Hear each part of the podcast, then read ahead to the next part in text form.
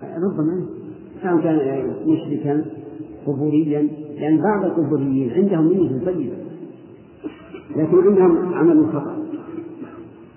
نعم. نعم.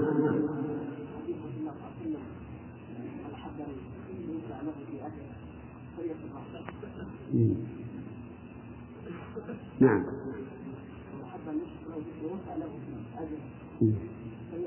هل يقول كيف نجمع بين هذا وبين قول النبي صلى الله عليه وسلم من أحب أن يوثق له في رزقه وينسى له في أثره فليصل رحمه لا منافاة.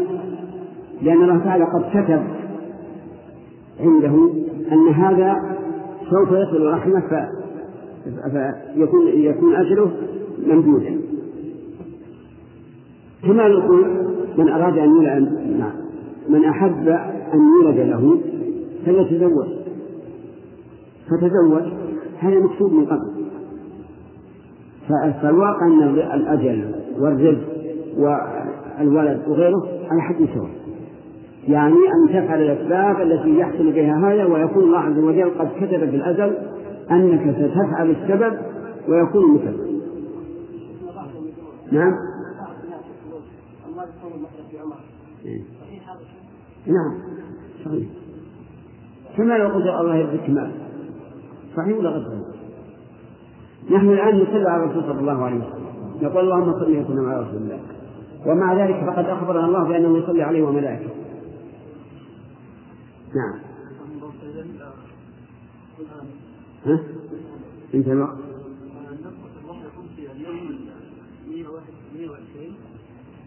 بعد بعد تمام 120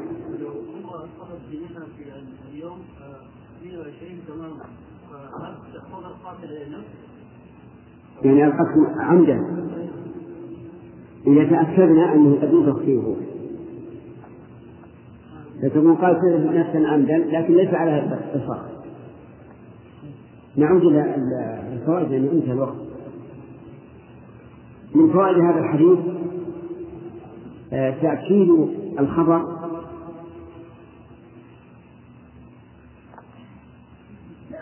فيما يدل على صدقه. لقول عبد الله لقول عبد الله بن مسعود وهو الصادق المصدوق. من فوائد هذا الحديث أن الإنسان في بطن أمه يجمع خلقه. على هذا الوجه الذي ذكره النبي صلى الله عليه وعلى آله وسلم. ومن فوائد هذا الحديث أنه يبقى نطفة لمدة أربعين يوما. هذه النطفة هل يجوز إلقاؤها أو لا يجوز؟ ذكر الفقهاء رحمهم الله أنه يجوز إلقاؤها بدواء مباح. قالوا لأنه لم يتكون إنسانا ولم يولد فيه أصل الإنسان وهو الدم. فيجوز إلقاؤه وقال آخرون لا يجوز. لأن الله تعالى قال فجعلناه في قرار مكين إلى قدر معلوم. فلا يجوز أن أن نتجاسر على هذا القرار المكين ونخرج الجنين منه. وهذا أقرب إلى الصواب أنه حرام. لكنه ليس كتحريم ما, ما بعده. طيب. إذا قلنا أن المرأة مرضت وخيف عليها. فهل يجوز إلقاها للنطفة؟ الجواب نعم يجوز. لأن إلقاءها الآن صار ضروريا. ومن فوائد هذا الحديث حكمة الله عز وجل في أطوار الجنين. من النطفة إلى العلقة ومن فوائده أهمية الدم في بقاء حياة الإنسان. وجهه أن أصل بني آدم بعد النطفة العلقة والعلقة دم. ولذلك إذا نزف إذا نزف دم الإنسان هلك. ومن فوائد هذا الحديث أن الطور الثالث هي المضغة. هذه المضغة تكون مخلقة وغير مخلقة بنفس القرآن. قال الله تعالى مضغة مخلقة وغير مخلقة.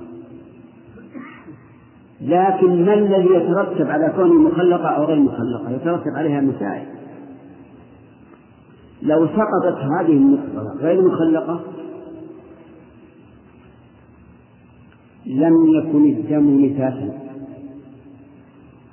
الدم الذي يخرج لا يكون نفاسا فالدم فساد. لو لو سقطت هذه النطفة هذه المضغة قبل أن تخلق وكانت المرأة في عدة لم تنقض العدة. لا بد أن في انقضاء العدة أن يكون الحمل مخلقا. ولا بد لثبوت النفاس من أن يكون الحمل مخلقا. لماذا؟ قال العلماء لأنه قبل التخليق يحتمل أن تكون قطعة لحم فقط وليس آدميا فلذلك لا نعدل إلى إثبات هذه الأحكام إلا بيقين.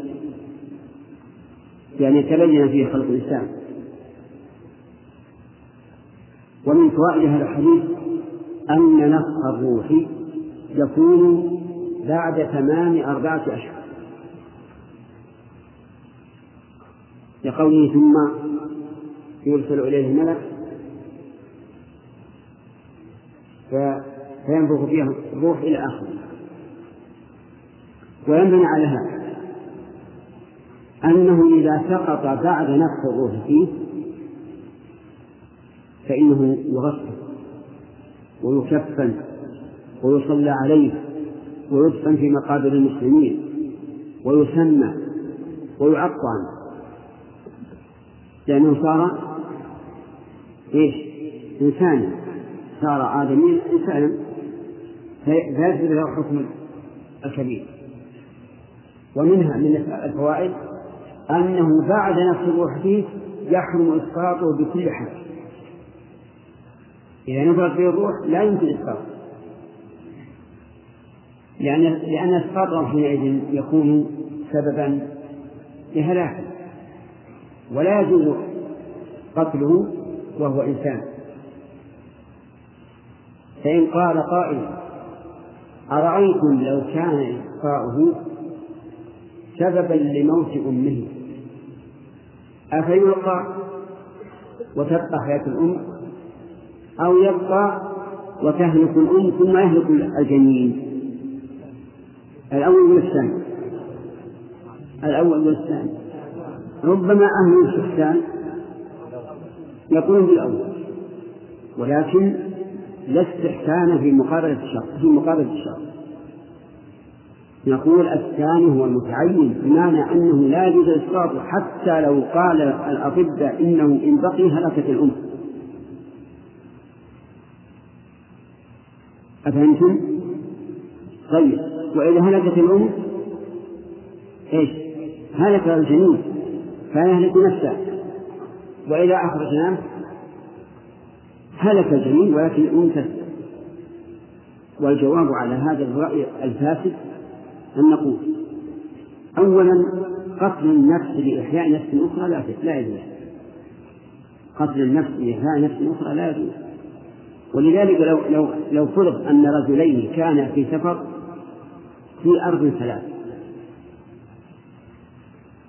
كان أحدهما كبيرا والآخر عشر سنين أو ست سنين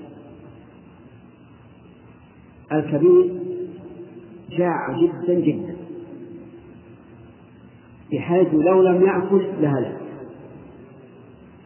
هل يجوز أن يذبح هذا الصغير ليأكله؟ عجيب يا جماعة. لا يجوز أبدا. بإجماع المسلمين. طيب. لو قدر أن الصبي هلك مات من الجوع. وبقي الكبير.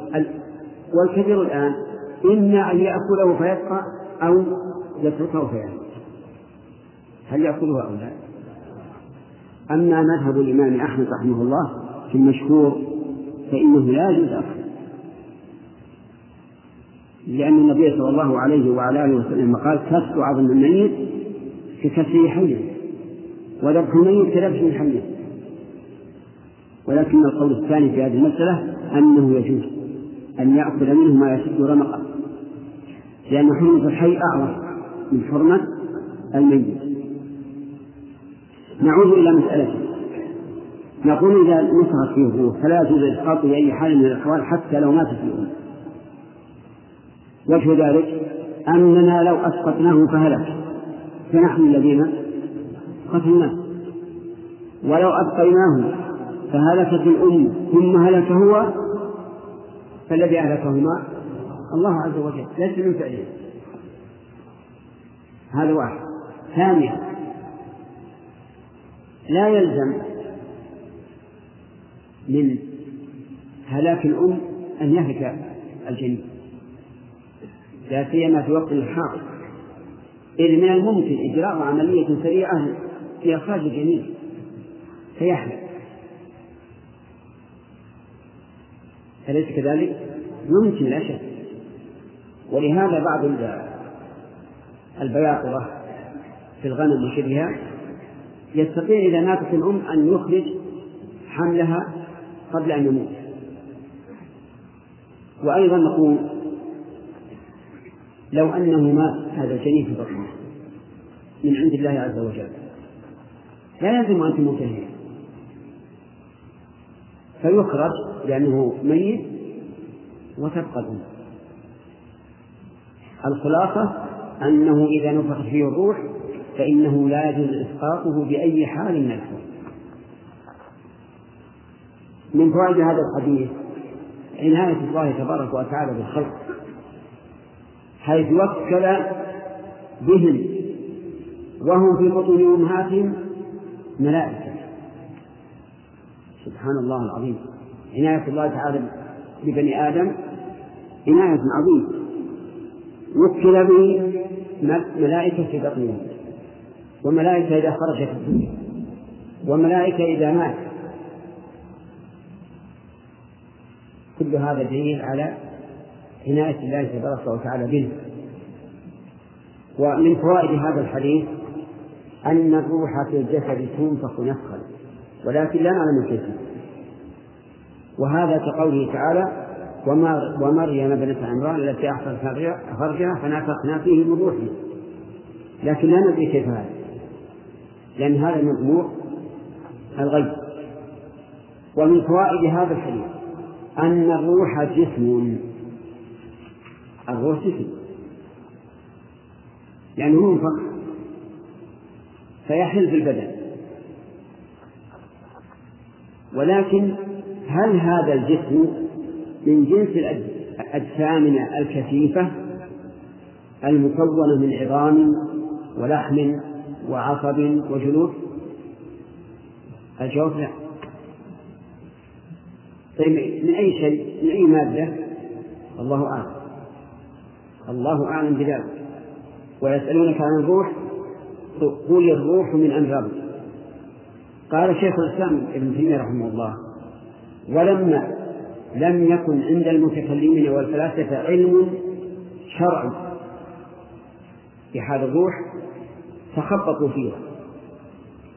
فقال بعضهم إن الروح عرض عرض أي صفة للبدن. كالطول والقصر والبياض والسواد.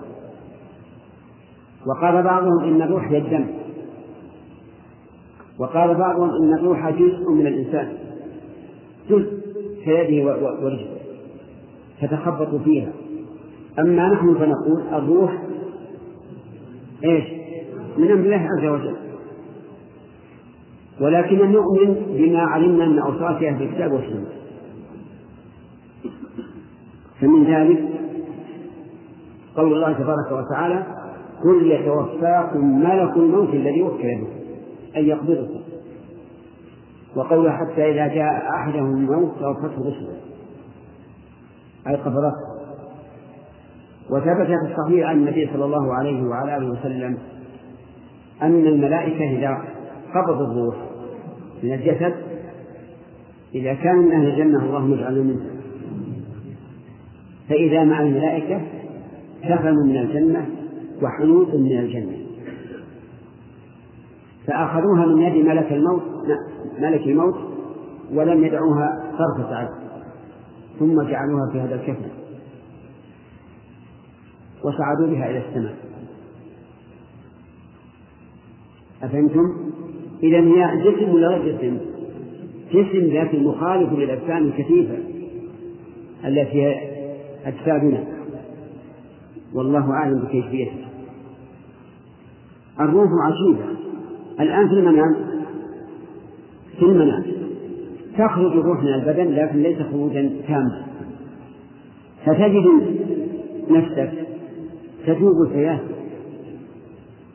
ربما وصلت إلى الصين أو إلى أقصى المغرب وربما طرت السيارة بالطائرة وربما ركبت السيارة. أليس كذلك؟ وأنت في مكانك واللحاف على قد غطى جسمك ومع ذلك تتجول في الأرض. لكنها سبحان الله لا تفارق الجسم في حال النوم مفارقة تامة. تكون عليه مثل شعاع الشمس. فيه مفارقة لكن ليست تامة. فالروح أمرها غريب. ولسنا نعلم منها إلا ما جاء في الكتاب والسنة. والباقي لا ندري عنه أيها الأخ المسلم إذا كنت لا تدري عن نفسك التي بين جنبيك فكيف تحاول أن تعرف كيفية صلاة الله عز وجل؟ الذي هو أعظم وأجل من أن تحيط به. اعرف نفسك. وأنك غير قادر على إدراك كيفية صفات الله. مهما كنت. فلا تحاول إدراك الكيفية ولا السؤال عنها ولهذا قال الإمام أحمد قال الإمام مالك رحمه الله السؤال عن كيفية الاستواء بدعة. وهذا المثال عن مثال الروح مثال يقتنع به الإنسان تماما. أنه لا يعلم لا يعلم عن الروح التي هي قيام بدنه. فكيف بصفات الله عز وجل؟ ومن فوائد هذا الحديث أن الملائكة عليهم السلام عبيد يؤمرون وينهون. لقوله فيؤمر بأربع كلمات. والآمر له هو الله عز وجل. ومن فوائد هذا الحديث أن هذه الأربع مكتوبة على الإنسان رزقه وأجله وعمله وشقي أو سعيد ولكن هل معنى ذلك أن لا نفعل الأسباب التي التي يحصل بها الرزق؟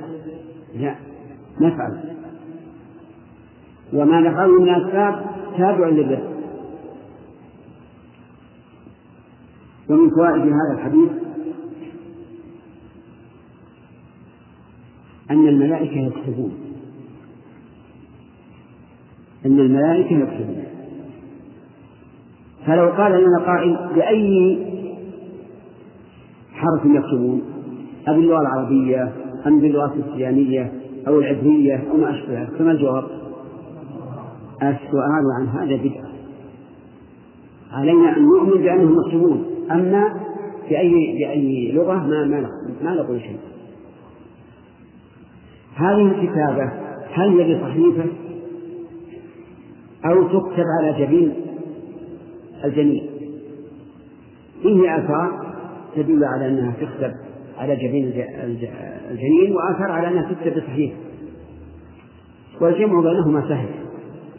إذ يمكن أن تكتب بصحيفة ويأخذها الملك إلى إلى إلى ما شاء الله ويمكن أن تكتب على إيش؟ جبين الإنسان. ومن فوائد هذا الحديث أن الإنسان لا يدري ماذا كتب له. ولذلك أمر بالسعي لتحصيل ما ما ما ينفعه. وهذا أمر مسلم. كلنا لا يدري ماذا كتب له. لكننا مأمورون بإيش؟ أن نسعى لتحصيل ما ينفعنا وأن ندع ما يضرنا طيب. ومن فوائد هذا الحديث أن نهاية بني آدم أحد أمرين. إما الشقاء وإما السعادة. هل فيه قسم ثالث؟ لا. قال الله تعالى فمنهم شقي وسعيد. وقال تعالى هو الذي خلقكم فمنكم كافر ومنكم مؤمن. وبالمناسبة نريد من أحدكم أن يعرب قوله تعالى فمنهم شقي وسعيد. من؟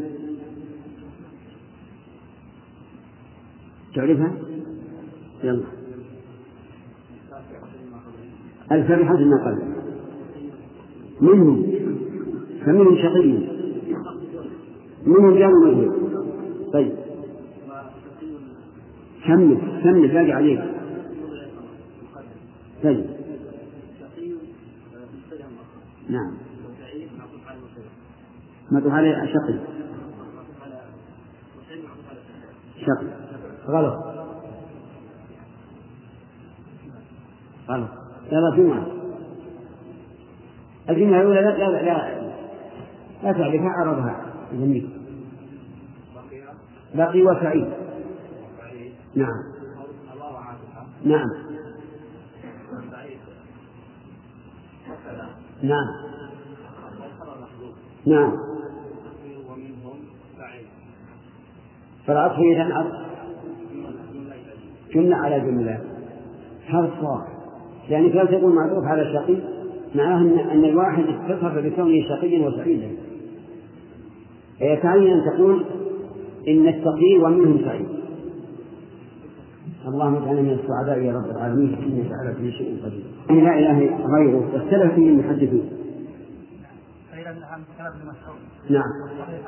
نحن على اخذنا من كلام النبي صلى الله عليه وعلى آله وسلم. ما لا تسمى إذا كان في كلام مسعود؟ في الاصطلاح ها؟ لا أي. إذا قلنا من كلام مسعود فما اسمها عند المحدثين؟ غلط. كيف؟ مدرج فن. إذا إذا اختلف العلماء هل هذا مدرج أو ليس بمدرج؟ فما الراجح؟ يعني أنه غير مدرج أنه غير مدرج صحيح. هو كما إذا اختلف المحدثون هل هو مرفوع أو موقوف؟ فنرجح المرفوع. لسببين. السبب الأول أن الرافع معه زيادة علم بخلاف من رواه غير مرفوع الثاني أن الراوي قد يحدث بالحديث أحيانا ينسبه إلى الرسول صلى الله عليه وسلم وأحيانا لا ينسبه. المرفوع ما نسب إلى الرسول صلى الله عليه وعلى آله وسلم والموقوف ما نسب إلى الصحابة. فمثلا إذا قلت أنا قال رسول الله صلى الله عليه وعلى, وعلى آله وسلم إنما الأعمال بالنيات هذا إيش؟ مرفوع. وإذا قدرنا أن أن من الصحابة فقلت إنما الأعمال بالنيات وإنما لكل امرئ ما نوى فهو موقوف. طيب. رواه بعض بعض الرواة موقوفا ورواه بعضهم مرفوعا. بمن نأخذ؟ بالمرفوع لسببين. السبب الأول أن الرافع معه زيادة علم والثاني أن المحدث قد يحدث بالحديث غير منسوب إلى الرسول صلى الله عليه وعلى آله وسلم لعلمه بصحته إلى الرسول. طيب. حديث ابن عمر رضي الله عنهما بني الإسلام على خمس. ما معناه خمس؟ خمس كالأركان للبيت كالأركان للبيت. طيب. في أي ما أكثر في الأحاديث تقديم الصيام على الحج أو الحج على الصيام؟ اللي وراء. ارفع يد. نعم. لا اللي وراء. يلا. أيما أكثر تقديم الصيام على الحج أو الحج على الصيام؟ تقديم الصيام على الحج. الأمر في هذا سهل. يعني لا يتغير معنا كثيرا. طيب. في حديث ابن مسعود رضي الله عنه يقول إن الملك يؤمر بكتب بأربع كلمات بكتب رزقه ذكرنا أن الرزق نعم. نوعان. الأول الأول. نعم. أصبر. الأول ما يقوم به البدن. والثاني ما يقوم به الدين. أحسنت طيب. آه ما يقوم به البدن مثل إيش؟ أحمد. نعم. والمسكن والمركوب وما إلى ذلك. وما يقوم به الدين؟ العلم والإيمان. طيب.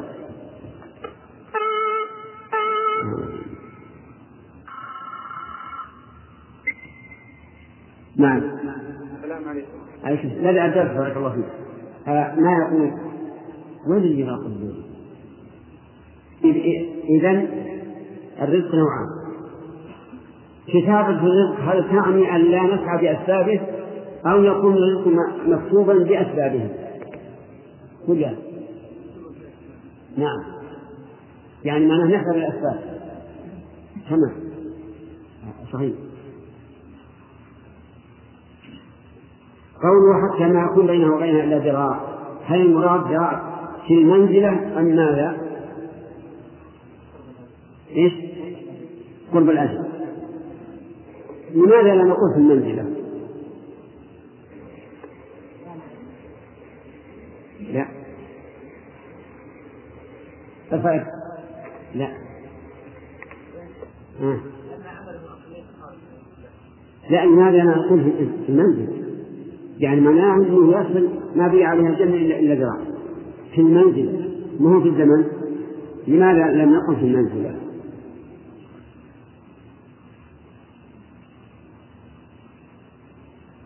نعم جمعة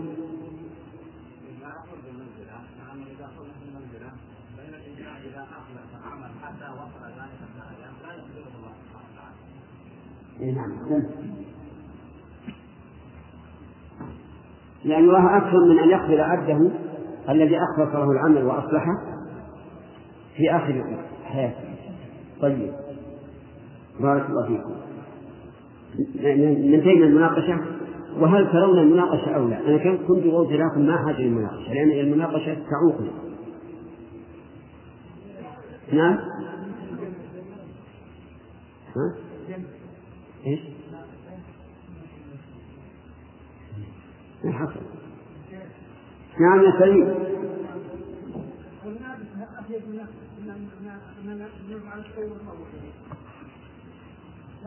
على شيء من جمعنا الانسان صلى الله عليه وسلم علمنا هو اول ما تدري ما ينفع فيه لكن يستلم من الماء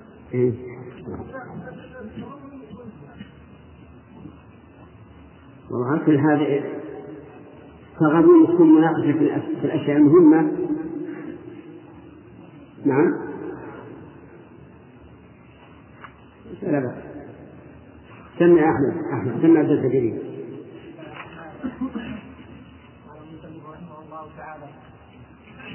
وعن ام المسلمين ام عبد الله عائشه رضي الله عنها قالت قال رسول الله صلى الله عليه وسلم من احسن في امرنا هذا ما ليس منه فهو طيب عن أم المؤمنين؟ أي أي حديث هذا؟ طيب كله. لأن المؤلف كتب الحديث الخامس نعم. عن المؤمنين ام عبد الله عنها قالت قال رسول الله صلى الله عليه وسلم من احدث في امرنا هذا ما ليس منه فهو رد رواه البخاري ومسلم وفي روايه لمسلم من عمل عملا ليس عليه امرنا فهو رد الحمد لله رب العالمين وصلى الله وسلم على نبينا محمد وعلى آله وأصحابه. ومن تبعهم بإحسان إلى يوم الدين. أما بعد. فقال الإمام فقال الحافظ النووي رحمه الله في كتاب الأربعين الحديث الخامس عن أم المؤمنين أم عبد الله عائشة عن أم المؤمنين. كنيت بهذا لأنها إحدى زوجات النبي صلى الله عليه وعلى آله وسلم. وجميع أمهات المؤمنين تكنى بهذه الكنية كما قال عز وجل وأزواجه أمهاتهم. اجلس لا تفتح كان تريد لا تفتح إلا أن ظهرت في الشيء نعم؟ طيب. كل زوجات النبي صلى الله عليه وعلى آله وسلم أمهات المؤمنين كما في القرآن الكريم. وقوله أم عبد الله هذه كنية لكن هل هي حقيقة واقعة؟ بمعنى أنه هل ولد لها ولد؟ لست بمعنى هل ولد لها ولد أم لا؟ ذكر بعض أهل العلم أنه ولد لها ولد لا لم يعش. وذكر آخرون أنه لم يولد لها لا سقط ولا حي ولكن هي تكلف بهذا لأن أحب الأسماء إلى الله عبد الله وعبد الرحمن. وقوله عائشة هذا اسم أم المؤمنين وهي ابنة أبي بكر الصديق رضي الله عنه. تزوجها النبي صلى الله عليه وعلى آله وسلم ولها ست سنين. وبنى بها ولها تسع سنين. وأورثت للأمة علما عظيما علما كثيرا وفقها غزيرا. فهي من المحدثات ومن الفقيهات رضي الله عنها. تقول قال رسول الله صلى الله عليه وعلى آله وسلم من أحدث. من أحدث في أمرنا هذا ما ليس منه فهو رد. من شرطية. وأحدث به الشرط. وجواب الشرط فهو رد. واقترن الجواب بالفاء لأنه جملة اسمية. وكلما كانت وكلما كان جواب الشرط جملة اسمية وجب اقترانه بالفاء وعلى هذا قول الناظم فيما يجب اقترانه بالفاء اسمية طلبية وبجانب وبما وقد وبلن وبالتنفيذ. ثلاث أشياء اسمية طلبية وبجانب وبما وقد وبلن وبالتنفيذ. سبع سبع مواضع اسمية طلبية وبجانب وبناء وقد وبلم وبالتنفيذ. اللي معنى من السبع اسمية وقول فهو رد أي مردود فرد مصدر بمعنى مفعول. والمصدر كما نعلم يأتي بمعنى بمعنى الفاعل وبمعنى المفعول ومن إتيانه بمعنى المفعول قول الله تعالى وإن كن أولات حمل أي محمول. وقوله من أحدث في أمرنا أي في ديننا وشريعتنا ما ليس منه فإنه مردود عليه. وذلك لقول الله تعالى وما أمروا إلا ليعبدوا الله مخلصين له الدين حنفاء. ولقوله تعالى وأن هذا صراطي مستقيما فاتبعوه ولا تتبعوا السبل فتفرق بكم عن سبيله. ولقوله تعالى ومن يبتغي غير الإسلام دينا فلن يقبل منه. وهو في الآخرة من الخاسرين. نعود مرة ثانية. من أحدث في أمرنا أي أوجد شيئا لم يكن في أمرنا أي في ديننا وشريعتنا ما ليس منه أي ما لم يشاءه الله ورسوله فهو رد أي مردود عليه حتى وإن صدر عن إخلاص وفي رواية المسلم من عمل عملا ليس عليه أمرنا فهو رد. وهو أعم من الأول. يعني أن من عمل أي عمل ليس عليه أمر الله ورسوله فإنه إيش؟ مردود عليه أي عمل. سواء كان عبادة أو كان معاملة أو غير ذلك. هذا الحديث أصل من أصول الإسلام. أصل من أصول الإسلام. دل عليه قوله تعالى وأن هذا صراط مستقيما فاتبعوه ولا تتبعوا السبل فتفرق بكم عن سبيله. وكذلك الآيات التي تسمعها دل على هذا الأصل العظيم. وقد اتفق العلماء رحمهم الله أن العبادة لا تصح إلا إذا جمعت أمرين. أولهما الإخلاص والثاني المتابعة للرسول صلى الله عليه وعلى آله وسلم. والمتابعة أخرجت من هذا الحديث ومن الآيات التي ذكرناها.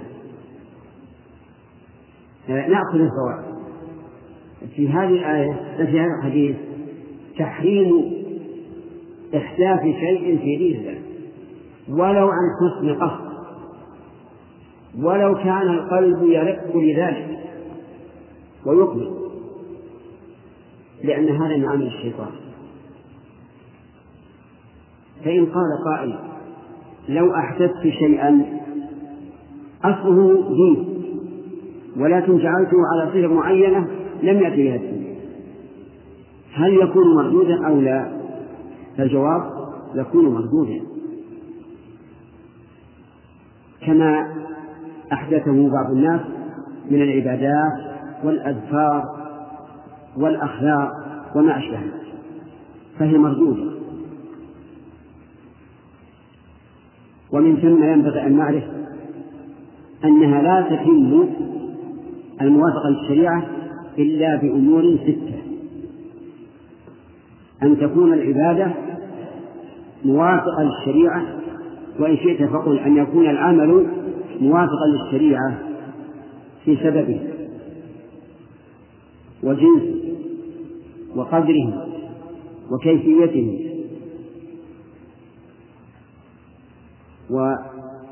وزمانه ومكانه. ستة أشهر. أن يكون موافقا للشريعة في هذه الأمور الستة. السبب الثاني الجنس القدر الكيفية الزمان المكان. إذا لم يوافق الشريعة في هذه الأمور الستة فهو باطل مردود لأنه أحدث في دين الله ما ليس منه. السبب يعني أن أن أن يفعل الإنسان عبادة لسبب لم يجعله لم يجعله الله سببا. مثل أن يصلي ركعتين كلما دخل بيته. ويتخذها سنة. فهذا مردود. مع أن الصلاة أصلها إيش؟ مشروع. لكن لما قرنها بسبب لم يكن سببا شرعيا صارت مردودة. واضح؟ طيب. طيب لو, لو أن أحدا أحدث عيدا لانتصار المسلمين في بدر. أيكون مردودا أم مقبولا؟ نعم مردودا. لأنه ربطه بسبب لم يجعله الله ورسوله سبب. الثاني أن تكون موافقة للشرع في جنسها. فلو أن أحدا ضحى بفرس. فإن ذلك مردود مردود عليه. لماذا؟ لأنه مخالف لشريعة الجنس إذ أن الأضاحي إنما تكون من بهيمة الأنعام وهي الإبل والبقر والغنم. فلا تقبل منه. طيب لو ذبح فرسا ليتصدق بلحمها. فهذا جائز. لأنه لم يجعله لم يتقرب الله بذبحه وإنما ذبحه ليتصدق بلحمه. الثالث القدر. فلو تعبد لله عز وجل بقدر زائد على الشريعة لم يقبل منه. لو أن الإنسان توضأ أربع مرات. فالرابعة لا تفعل لماذا؟ لأنها زائدة. زائدة على ما جاءت به الشريعة. بل قد جاء في الحديث أن النبي صلى الله عليه وعلى آله وسلم توضأ ثلاثا ثلاثا وقال من زاد على ذلك فقد أساء وتعدى وظلم الرابع الهيئة. وإن شئت تكون الكيفية. فلو عمل عملا يتعبد به لله مخالفا للشريعة في كيفيته لم يقبل بل هو مردود عليه. لو أن الإنسان صلى وسجد قبل أن يركع فصلاته إيش؟ باطلة مردودة لأنها لم توافق الشريعة في الكيفية. وكذلك لو توضأ منفسا فالوضوء لا لو بدأ باليد ثم الرأس ثم اليد ثم الوجه. لأنه مخالف للشريعة في في الكيفية فلا بد من مطابقة العمل للشريعة في الكيفية الرابع الخامس الزمان. أن يكون العمل موافقا للشريعة في زمانه فلو صلى الصلاة قبل دخول وقتها فالصلاة غير مقبولة لأنها في زمن غير ما حدده الشرع. ولو ضحى قبل أن يصلي صلاة العيد لم تقبل لأنها لم توافق الشرع في الزمان. ولو اعتكف في غير في غير زمن. فإنه ليس بمشروع لكنه جائز لأن النبي صلى الله عليه وعلى آله وسلم أقر عمر بن الخطاب على الاعتكاف المسجد الحرام حين نذره.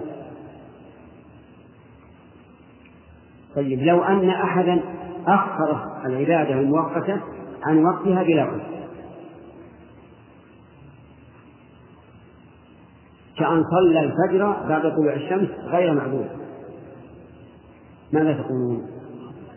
صلاته مردودة صلاته مردودة لأنه عمل عملا ليس عليها من الله ورسوله. طيب. لو آه، زمان المكان. لا بد أن تكون مطابقة للشريعة في المكان.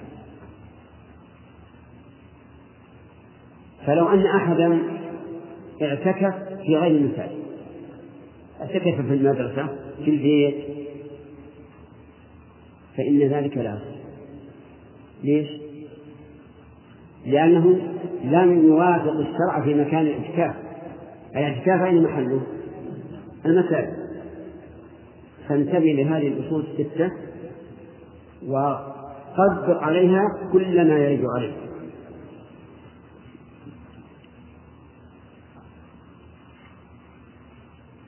من فائدة هذا الحديث أن من باع أو اشترى بعد الأذان الثاني يوم الجمعة وهو ممن تجب عليه الجمعة فعقده إيش هو؟ باطل عقده باطل لماذا؟ لأنه مخالف لأمر الله ورسوله لو لو وقع هذا لو وقع هذا وجب رد رد البيع. فيرد الثمن إلى المشتري وترد السلعة إلى إلى البائع. ولهذا لما أخبر النبي صلى الله عليه وعلى آله وسلم بأن التمر الجيد يؤخذ منه الصاع بالصاعين والصاعين بالثلاثة قال رده رد البيع. لأنه على خلاف أمر الله ورسوله. طيب تزوج بلا ولد. تزوج بلا ولد. حكمه باطل. لأن النبي صلى الله عليه وعلى آله وسلم قال لا نكاح إلا بولد وخذ هلم جرا لو طلق في الشيء طلق امرأته وهي حائض نعم. هل يقع الطلاق أو لا يقع؟ نعم. في خلاف على كل حال الخلاف معروف. ولما ذكر للإمام أحمد رحمه الله القول بأنه لا يقع الطلاق في الحي قال هذا قول سوء. هذا قول سوء. يقول الإمام أحمد وناهيك به علما في الحديث وعلما في الفقه وأنكر هذا. وكذلك الأمة كلها أئمتها وعلماؤها ينكرون القول بعدم وقوع الطلاق في الحي. ويرون أن الحي أن الطلاق في الحي يقع. لكن فيه من يقول إنه لا يقع كشيخ الإسلام ابن تيمية رحمه الله والمسألة خلافية. لكني ذكرت لكم حتى لا تتهاونوا في إفتاء الناس. بعدم وقوع الطلاق في الحي ألزموهم به لأنهم التزموه. كما ألزم عمر بن الخطاب رضي الله عنه الناس بالطلاق الثلاث لما التزموه. مع أن الثلاث عهد النبي صلى الله عليه وسلم وعهد أبي بكر وسنتين من ثلاثة عمر الثلاث واحد. لكن لما تجرع الناس على المحرم ألزمهم به رضي الله عنه وقال لا يمكن أن ترجع إلى زوجك. أنت الذي ألزمت نفسك قلت هذا لأن الناس الآن تلاعبوا. تلاعب. يأتيك رجل عام ما يعرف سوء من كل سوء. يقول لي طلقت زوجي بالحيض قبل عشر سنين. يقول له خلاص وقع. لا هذا طلاق بالحيض طلاق البدع يقول عامي ما أعرف الكون من الكسوة لكن لأن له يعني له. هل يمكن أن نفتي مثل هذا ونقول الطلاق لم يقع؟ ما يمكن. أمامنا مسؤولية يوم القيامة. فلنقول ألزمت نفسك فلزمك. أرأيت لو أنه انتهت عدتها من تلك الطلقة وتزوجها رجل آخر. أتأتي إليه وتقول المرأة امرأتي؟ الجواب لا. ما يقول هذا. فإذا كان هو الذي يلزم نفسه بذلك كيف نفتح النكاح على كل حال الطلاق في الحي أكثر العلماء يقولون أنه واقع. والذين يقولون ليس بواقع قال الإمام أحمد عن قولهم إنه قول سوء. إنه قول سوء. لا يعني لا ينبغي أن يؤخذ به.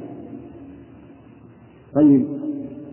رجل باع أوقية ذهب بأوقية ونصف. حكمه باطل لأن النبي صلى الله عليه وسلم قال لا تبيعوا الذهب بالذهب إلا مثلا بمثل سواء بسواء وعلى هذا فقس. المهم هذا الحديث حديث عظيم. طيب رجل صلى في ثوب مرصوص هل تصح صلاته؟ أو لا تصح جمهور العلماء يقول تصح لأن النهي ليس عن الصلاة النهي عن الثوب المرصوص سواء صليت أو ما صليت. فالنهي هنا لا يعود لا يعود إلى الصلاة.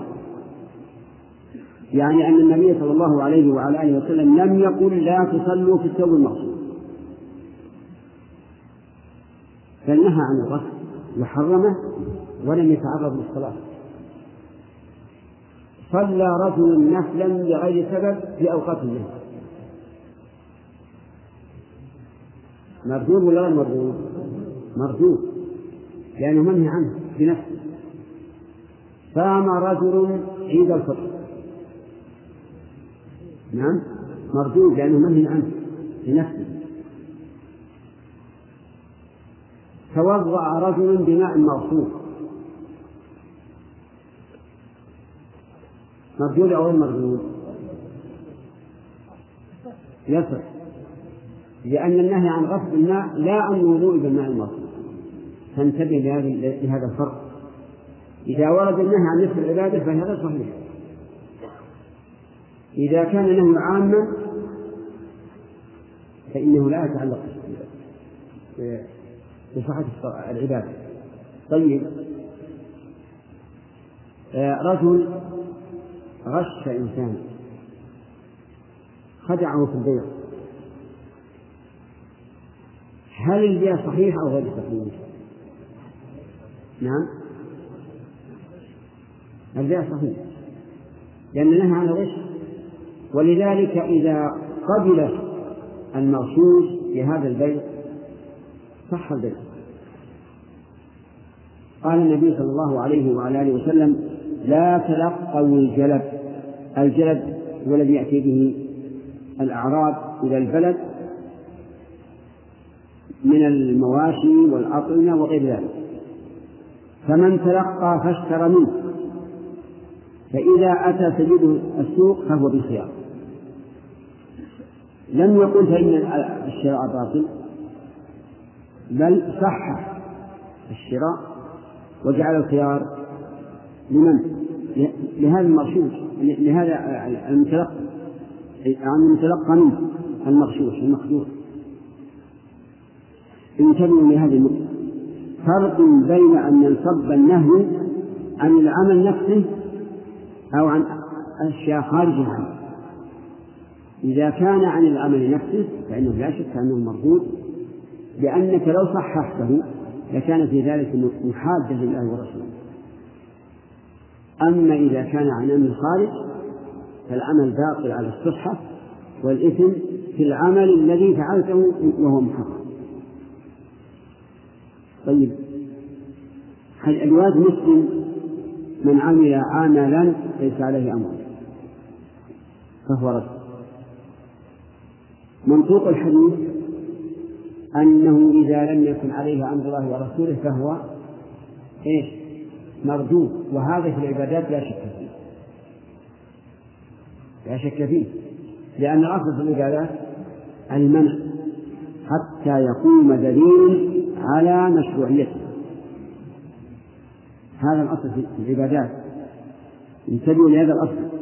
لو أن رجلا تعبد لله عز وجل بشيء وقال أنكر عليه الإنسان وقال ما الدليل على أنه حرام؟ فمن القول؟ قول. من أنكر ولا من من أحدث؟ من أنكر. يقول الدليل هو أن الأصل في العبادات المنع والحظر حتى يقوم دليل على أنه مشروع طيب. أما غير العبادات فالأصل فيها الحلم. لا من الأعيان ولا من الأعمال. الأصل فيها الحلم غير العبادات. لا من الأعيان يعني مثلا الإنسان رأيته يأكل طيرا صاده وجعل يأكله. فأنكرت عليه. لا ليش تأكل هذا الطير فقال لي ما الدليل على التحريم؟ القول قولي أو قوله؟ قوله هو لأن الأصل الحل كما قال عز وجل هو الذي خلق لكم ما في الأرض جميعا. تمام؟ طيب. الأعمال أيضا غير العبادات. الأصل فيها الحل إنسان عمل عمل في بيته في سيارته في لباسه في أي شيء من, من, من أمور الدنيا فأنكر عليه الإنسان فقال أين الدليل على التحريم؟ من يقول قوله؟ قول الفاعل أو المنكر؟ الفاعل وهذا الدليل على التحريم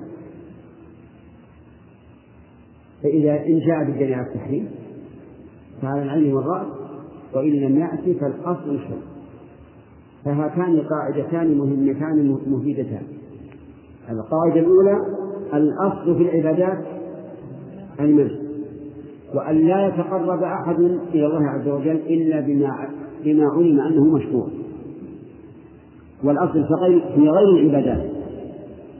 الأصل الحل طيب. وعليها.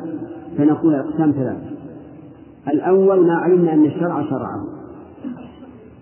من العبادات. فما الحكم أن يكون مشروعا أو لا؟ أن يكون مشروعا. الثاني ما علمنا أن الشرع نهى عنه. فهذا يكون ممنوع. الثالث ما لم نعلم عنه.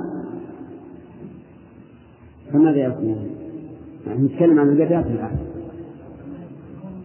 فهو ممنوع. في المعاملات والأعيان نقول ثلاث أقسام أيضا ما علمنا أن الشرع أذن فيه فهو إيش؟ مباح. مثل أكل النبي صلى الله عليه وسلم من حمر الوحش.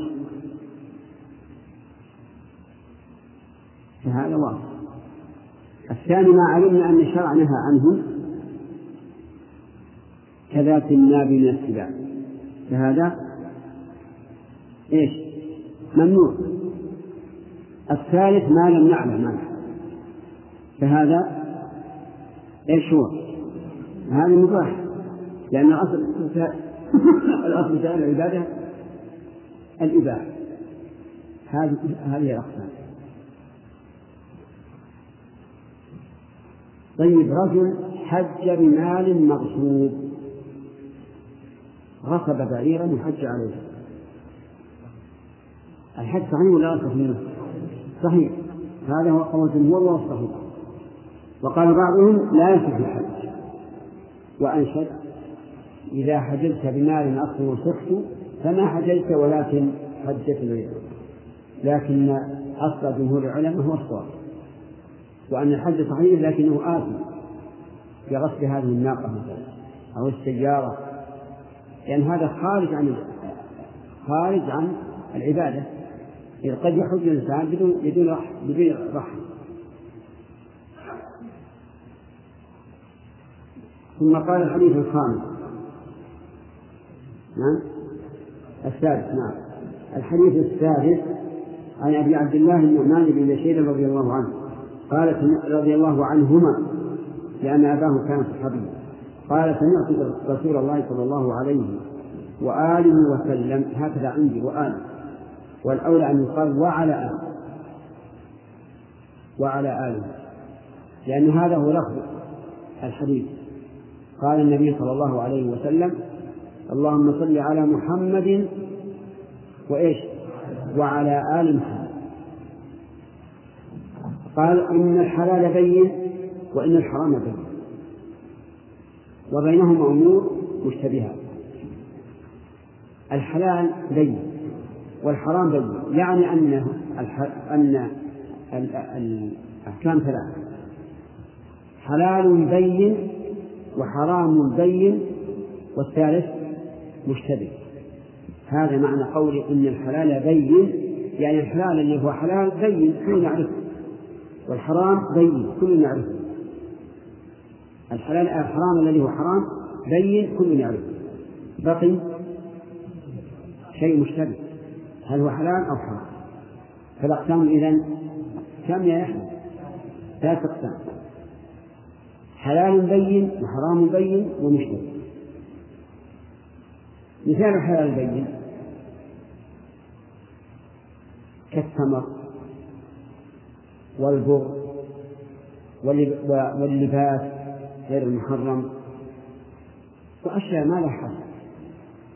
الحرام البين كالزنا والسرقة وشرب الخمر وما أشبه ذلك. هذا حرام بين. هناك أشياء مشتبهات.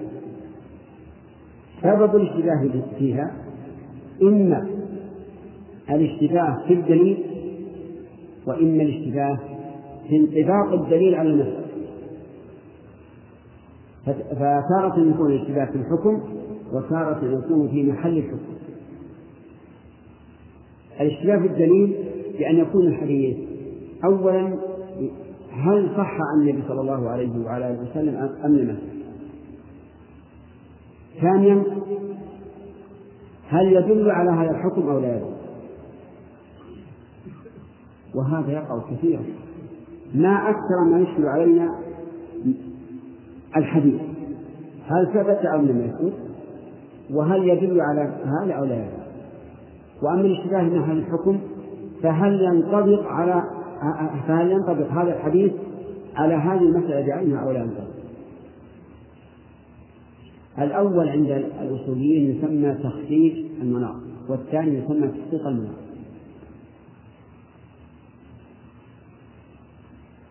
طيب ويأتي إن شاء الله تعالى الأمثلة في استنباط الفوائد نعم يقول لا يعلمهن كثير من الناس. يعني هذه المشتبهات لا يعلمهن كثير من الناس ويعلمهن كثير. كثير لا يعلم وكثير يعلم. ولم يقل صلى الله عليه وعلى آله وسلم لا يعلمهن أكثر الناس.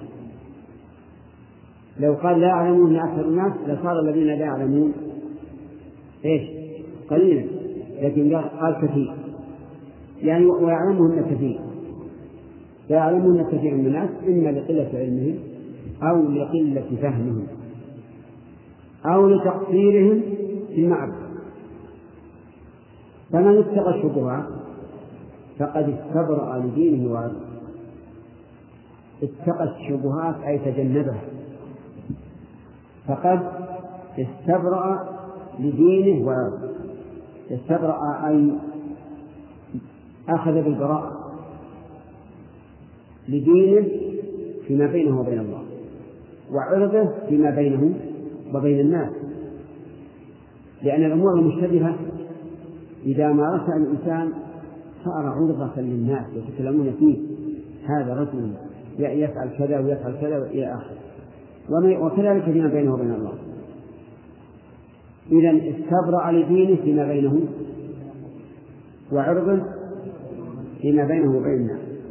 ومن وقع في الشبهات وقع في الحرام. من وقع؟ وقع. هذه جملة شرطية كما هو معروف. من وقع في الشبهات أي فعلها. وقع في الحرام. قوله وقع في الحرام هل المعنى أوشك أن يقع في الحرام؟ أو المعنى وقع في الحرام لأنه لا يجوز أن يقع في المشتبه يحتمل هذا وهذا. ولننظر إلى المثال فيوضح أحدنا عن أرجو الانتباه.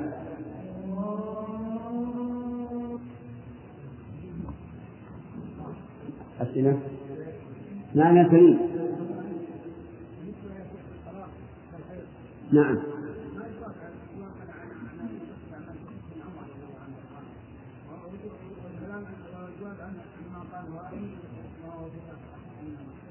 إيه؟ أتريد أن تنفق الوقوع ولا أن تترك الوقوع؟ ها؟ والله يظهر لي أنه أنه يقع لكن لكن المشكلة الآن أنه ينبغي أن نسوس الناس بالتربية حتى يمتنعوا من هذا المحرم لأن الطلاق في الحيض محرم تغير فيه الرسول صلى الله عليه وعلى آله وسلم فينبغي أن أن نحجز الناس عن هذا التلاعب وإلا فظاهر الأدلة أنه لا يقع. يدل عليها حديث حديث عائشة الذي سمعت. نعم.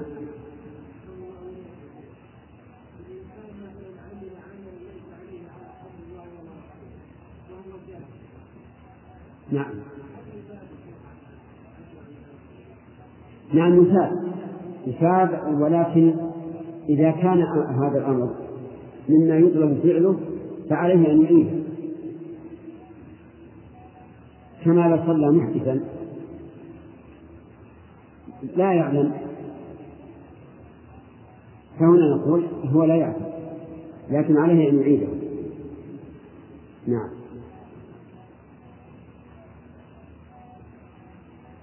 الله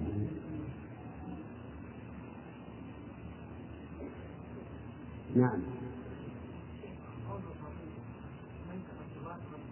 إنه سنة تفضل. نعم.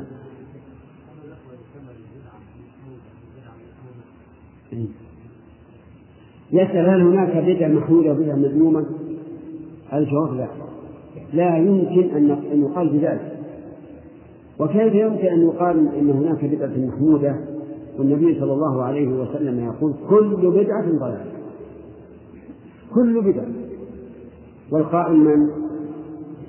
الرسول عليه الصلاة والسلام أفصح الخلق وأعلم الخلق بمعاني الكلام وأنصح الخلق للخلق. فكيف يأتي بهذه الكلية العامة؟ كل بدعة ضلالة ثم نقول البدع ما هو حسن منه ما هو حسن ومنه ما هو قبيح. لا يمكن. الذي نعم. آه، طيب إذا قال قائل ماذا تقولون في قول عمر رضي الله عنه حين رأى الناس قد اجتمعوا على إمام واحد في قيام رمضان؟ قال نعمة البدعة هذه. فأثنى عليه. فالجواب أن هذه بدعة نسبية. باعتبار انقطاعها زمنا ثم عادت وإلا فهي موجودة في عهد الرسول صلى الله عليه وعلى آله وسلم. لم يستقل عمر بها. فإن النبي صلى الله عليه وعلى آله وسلم صلى في أصحابه ثلاث ليال جماعة في رمضان. فخشي أن تفرض عليهم فترك. فيكون قوله نعمة البدعة إيش؟ البدعة نسبية باعتبار أنها انقطعت زمنا. وقول من قال إنها بدعة لغوية فيه نظر. والصواب أنها بدعة نسبية. معنى عبد الله هذا محل نظر. قد يقال إنما في قلبه محبة الله ورسوله ومحبة الخير يثاب عليه ولكن لا أثم على البدع فيجتمع في حقه أمران ثواب على نية وإثم على بدعة ولا مانع من أن يكون العمل واحد له جهة العمل أن يكون العمل الواحد له جهتان. نعم عبد الرحمن.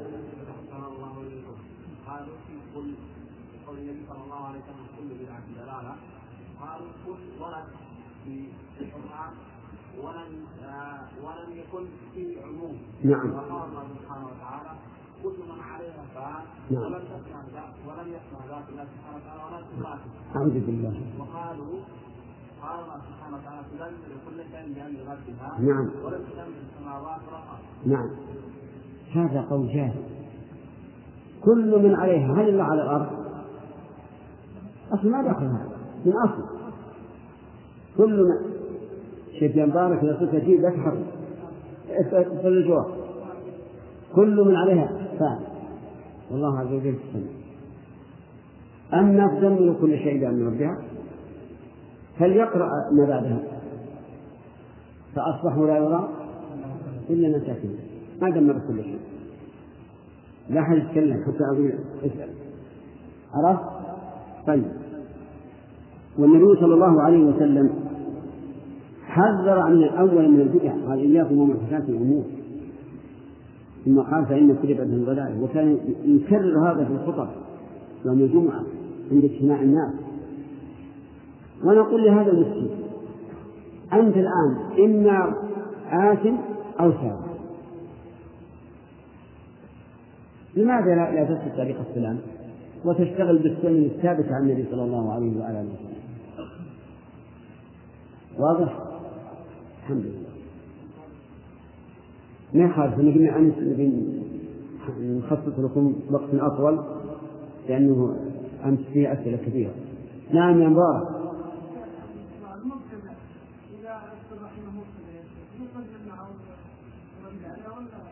لا لا. لا يرد عليه إذا كان ينشر بدعته لا بد أن يرد عليه هذا فيه تفصيل أما إذا كانت بدعته مكفرة فلا تصلي وراءه. كما لو كان يسب الصحابة رضي الله عنهم. أو يرمي أم المؤمنين عائشة بأنها بغي نسأل الله السلامة هذا لا تصلي خلفه ولا كرامة له. وحذر من الصلاة. خلفه اسمع يا رجل وأما إذا كانت بدعته غير مكفرة فإنك لا تصلي خلفه إذا كان في ذلك مصلحة. وإن كان في مصلحة الصلاة خلفه فصل. لأن لأن غاية ما يكون أن يكون فاسقا والصحيح أن الفاسق تصح الصلاة خلفه. أفهمت؟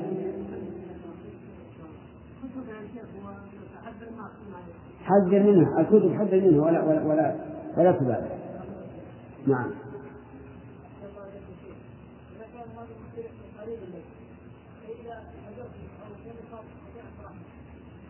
نعم.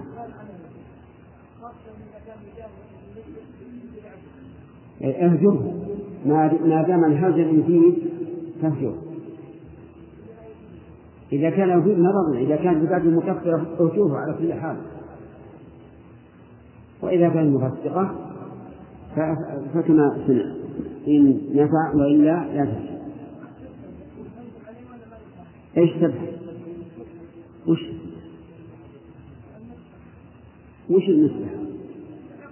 الحين تكلم من السائل أنت فيك عجلة يا مبارك. خليك مبارك على اسمك. تمام. يلا.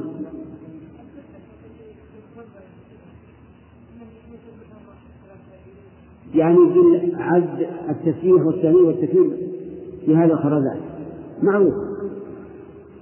هذه الأفضل ترك وأن تعد الأصابع كما فعل النبي صلى الله عليه وعلى آله وسلم مع نساء يحسن الذكر بالحصى فقال اعقدن بالأنامل فإنهن مستنطقات ما لم تفضي السبحة أو المسبحة إلى رياء فتكون حراما كما يوجد في بعض الناس نشاهدهم إذا جاءوا للحد تجري الواحد عليه مسبحة فقلدها في رقبته فيها يمكن ألف ألف خراف كأنما يقول للناس انظروا فإني يسبح الله.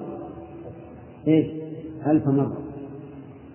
والتسبيح في المسبحة فيه ثلاث محاذير المحذور الأول أنه عدول عن الأفضل. المحذور الثاني أن فيه غفلة.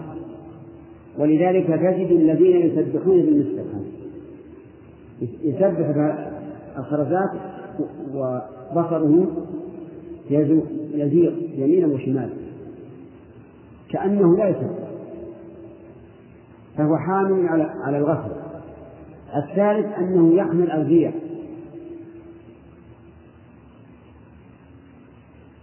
نعم.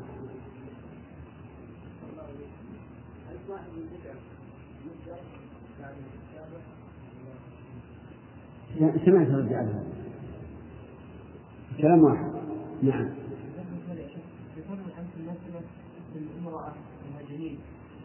لم تخرج ما ما الاثنان. نعم. وسمعت من مقال الشيخ الشرعية أن إذا تعرض مفسدتان يعني واحد يأخذ بما هو أقل شرعا شرعا فإذا كنا لو نعم أخرج الجنين ومات وبقيت الأم حية ألا يكون هذا يعني أقل من يموت الاثنان؟ لا إذا مات الاثنان إذا أبقينا الجنين وماتت الأم ومات الجنين مات عنه نفسه من الذي أماته؟ الله عز وجل لكن إذا أخرجنا الجنين من الذي أهلكه؟ نحن فموت الإنسان من الله؟ هو مقصده؟ هذا من الله عز وجل وله أن ما شاء. نعم. المقادير من عند الله سبحانه وتعالى نعم. فكيف نرد حديث ابن مسعود رضي الله عنه ان الله سبحانه وتعالى يرسل الينا السيف أمر بالكسر أربع كلمات نعم. نعم. في حياته وعمله إيه بأمر الله. قال الله عز وجل عالم الغيب. فلا يظهر على غيبه أحدا إلا من إلا ما يرتضى من رسول. ولذلك الملك يعلم أنه ذكر أو أنثى. قبل أن تظهر الآيات الآن المشعة التي تبين أنهم ذكر أمه وهذه نقطة ينبغي أيضا أن نتفطن لها لأن بعض الناس الآن ينكر أن يكون آه، الحمل معلوما ذكورة وأنوثة. ويقول لا يمكن. مع مع أن الطب يثبت ذلك. فيثبت هذه الأمر. فيقال الحمل له متعلقات.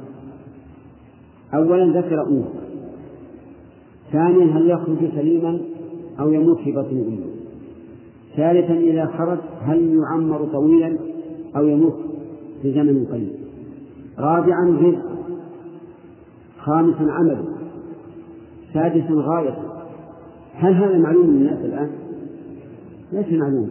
لا يعلم إلا الذكورة والأنوثة والذكورة والأنوثة يعلمها الملك الموكل بالأرحام نعم.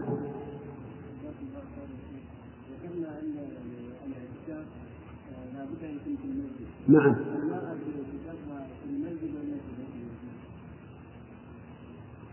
المرأة لا تخرج في بيتها ولا في مصلاه.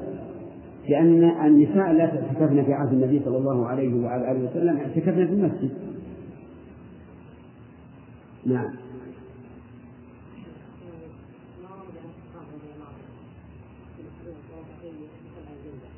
نعم. بارك الله فيك. الآثار الواردة عن الصحابة حج على القول الراجح لا سيما الفقهاء منهم كابن مسعود وابن عباس وما أشبه ذلك. فمن فعل فلا حرج عليه ومن ترك فهو أقرب للسنة نعم.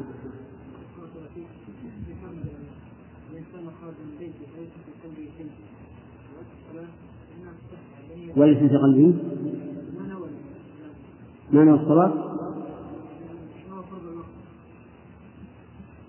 ما ذكرنا هل ذكرنا ان الانسان إذا خرج من بيته نوى الوقت؟ لا. لا لا. ذكرنا إذا دخل في الصلاة. نعم. نعم. نعم. نفس الشيء. فرض الوقت إذا كان إذا أدركت الجمعة. أو أدركت ركعة منها هو جمعة لا. لا. الوقت الجمعة. هذا يجب الإنسان يحضر الجمعة؟ إذا فاتت الجمعة صلى الظهر نعم.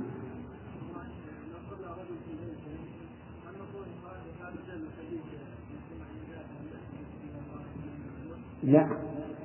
ما نقول هذا لحديث ابن عمر وأبي هريرة. صلاة الجماعة أفضل من صلاة الفرد. فكونه يسأل لصلاة الفرد فضلا يدل على أنها صحيحة.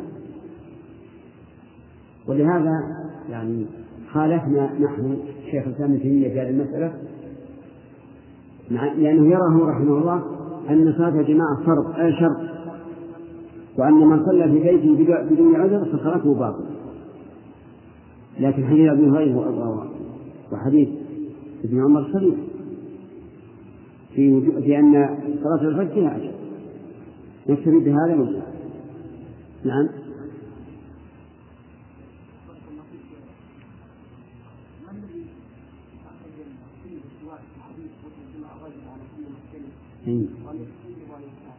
نعم. أخرج ذلك بارك الله فيك. هذا سؤال وجيه يقول غسل الجمعة واجب على كل محسن وأن يتطيب ويستاك ما الذي آخر الطيب والسواك؟ نقول لأنها لم تذكر في في أكثر الأحاديث وإنما ذكر الاغتسال فقط. نعم. لا تفضل. ها؟ ارضى صوتك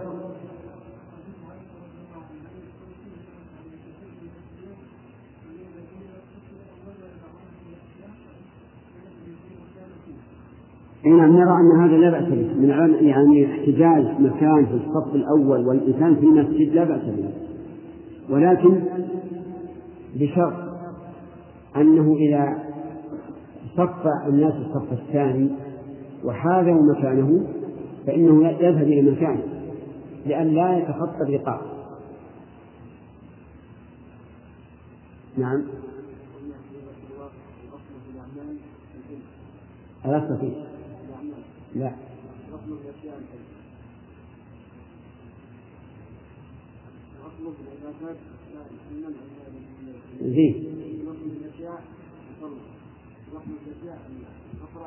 نعم. ماذا عن قول القوليين ان الاصل في الاطراع التحريم يعني لا يحل البضع إلا بالشروط. هذا معنى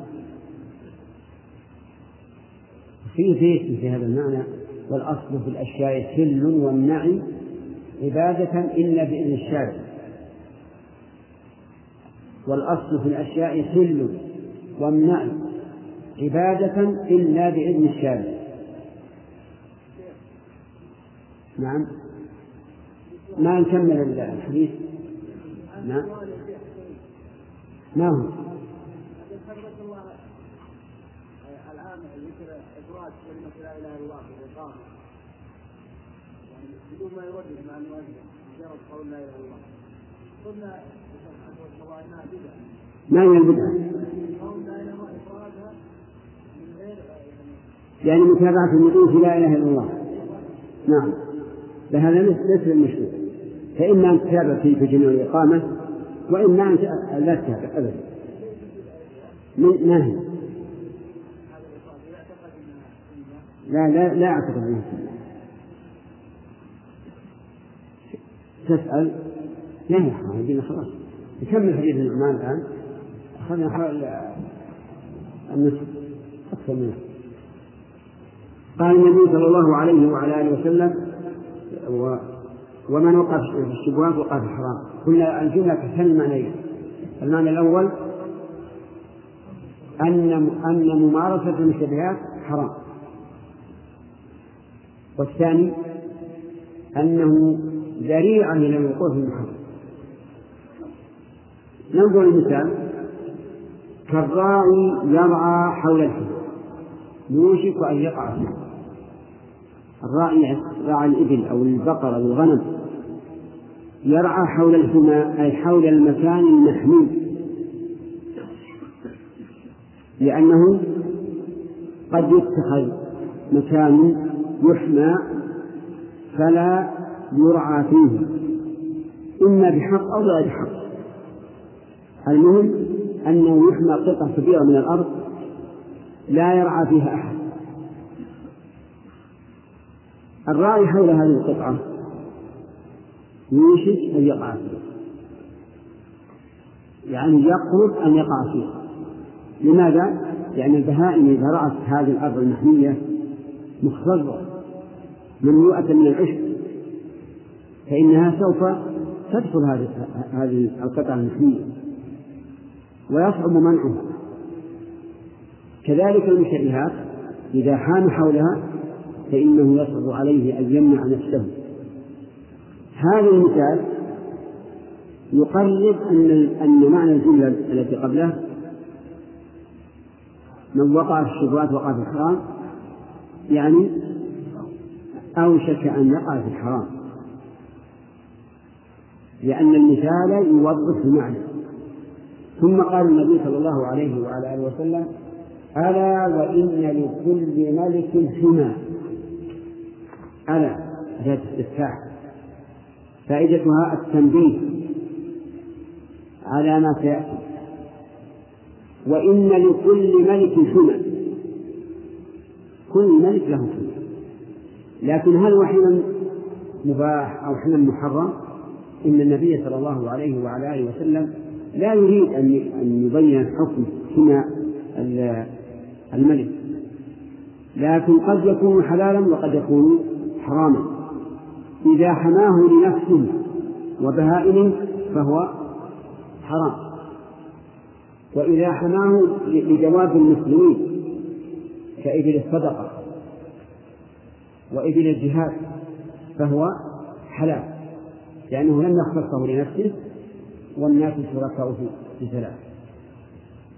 طيب الحديث هنا لا يراد به حكم كما حين الملك لكن يراد الواقع. ألا وإن حمى الله محارمه هذه أيضا جملة مؤكدة. بإن وأداة الاستفتاح. ألا وإن حمى الله محارم الله فإياك أن تقربها. إياك أن تقربها. لأن محارم الله كالأرض المحمية للملك لا يدخلها أحد. ألا وإن في الجسد مضغة هذه أيضا جملة مؤكدة. بإيش؟ بألا وإن. ألا وإن في الجسد أي جسد الإنسان. مضغة أي قطعة لحم بقدر ما ينضغه الإنسان عند الأكل. يعني شيء صغير. إذا صلحت صلح الجسد كله وإذا فسدت فسد الجسد كله ألا وهي القلب إذا صلح صلح الجسد. رتب النبي صلى الله عليه وسلم الجزاء على على الشر. متى صلح القلب؟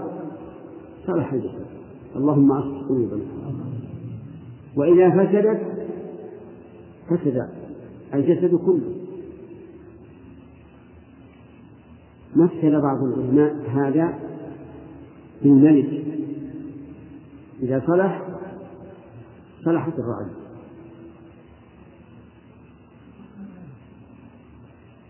وإذا فسد فسد.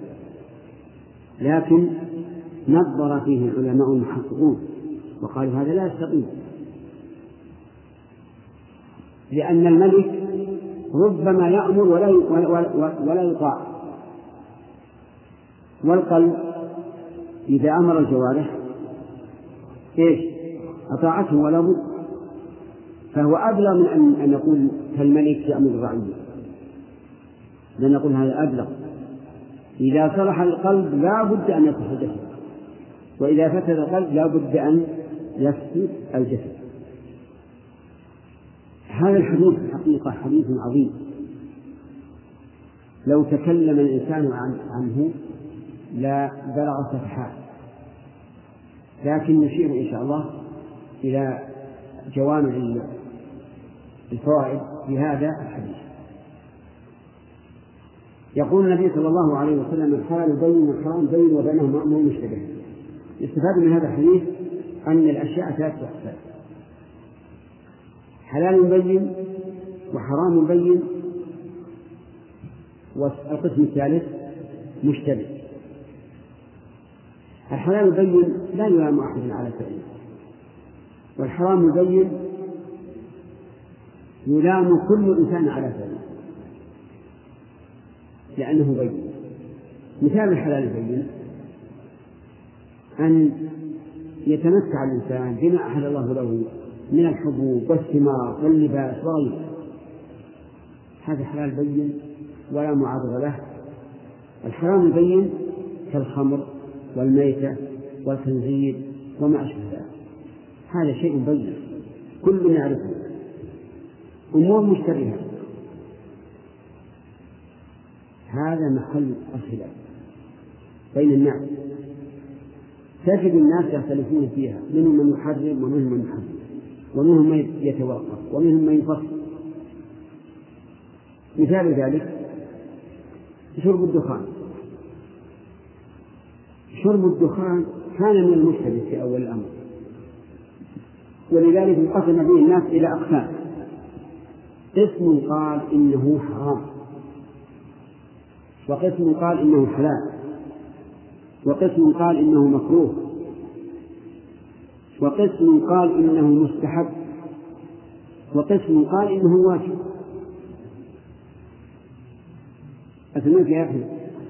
في شرب الدخان واجب. نعم. جمعة. ها؟ عجيب. الأقسام خمسة. الذين قالوا إنه محرم قالوا فيه أضرار على البدن وعلى الفم وعلى الأمعاء وفيه إتلاف أموال. وهذا دليل واضح. والذي قالوا الذين قالوا إنه مكروه قالوا لم يتبين لنا من الشرع تحريمه لكنه محل شبهة فيكون مكروها. وصاحب الغاية رحمه الله من متأخر الحنابلة جمع بين المنتهى والإقناع يقول يتجه سل شرب قهوة ودخان. قهوة ودخان كأنه سواء والأولى لكل ذي مروءة تركهما. فجعل تركهما من باب أولى من باب الأولوية.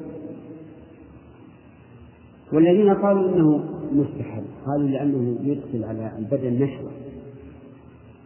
وانبساط. والإنسان مأمور أن يدخل السرور على نفسه وعلى غيره أيضا. الذين قالوا واجب قالوا يجب في بعض الأحيان مو دائما لو أن رجلا كان معتادا لشرب الدخان وحضر وقت الصلاة وهو جائع مر يعني مقطع الدخان وقال مشكل أنا رحت أصلي ما أدرك الصلاة وأنشدت لي تجارة عاد علي عقلي وراحتي صليت تمام. قالوا يجب عليه نشر يجب أن يشكر علشان إيش؟ علشان يستحضر الصلاة. لكن هذه كل الأقاويل تبين الآن بعد تقدم الطب وبعد أن درس الناس فيه درس الناس حال هذا الدخان تبين قطعا أنه حرام. ولا إشكال عندنا فيه. حتى قرأت آنفا جريدة عن شخص كبير المنزلة بين الناس أفتى بأن من لم يقل إن الدخان حرام فهو مرتد. عن الإسلام صعب. صعب عظيم. فالقول الراجح الذي لا شك فيه عندي أنه حرام ولا يحل طيب إذا الدخان أول ما ظهر من الأمور البينة أو المشتبهة؟ المشتبهة. والحمد لله رب العالمين. وصلى الله وسلم على نبينا محمد وعلى آله وصحبه أجمعين وإلى غد إن شاء الله تعالى.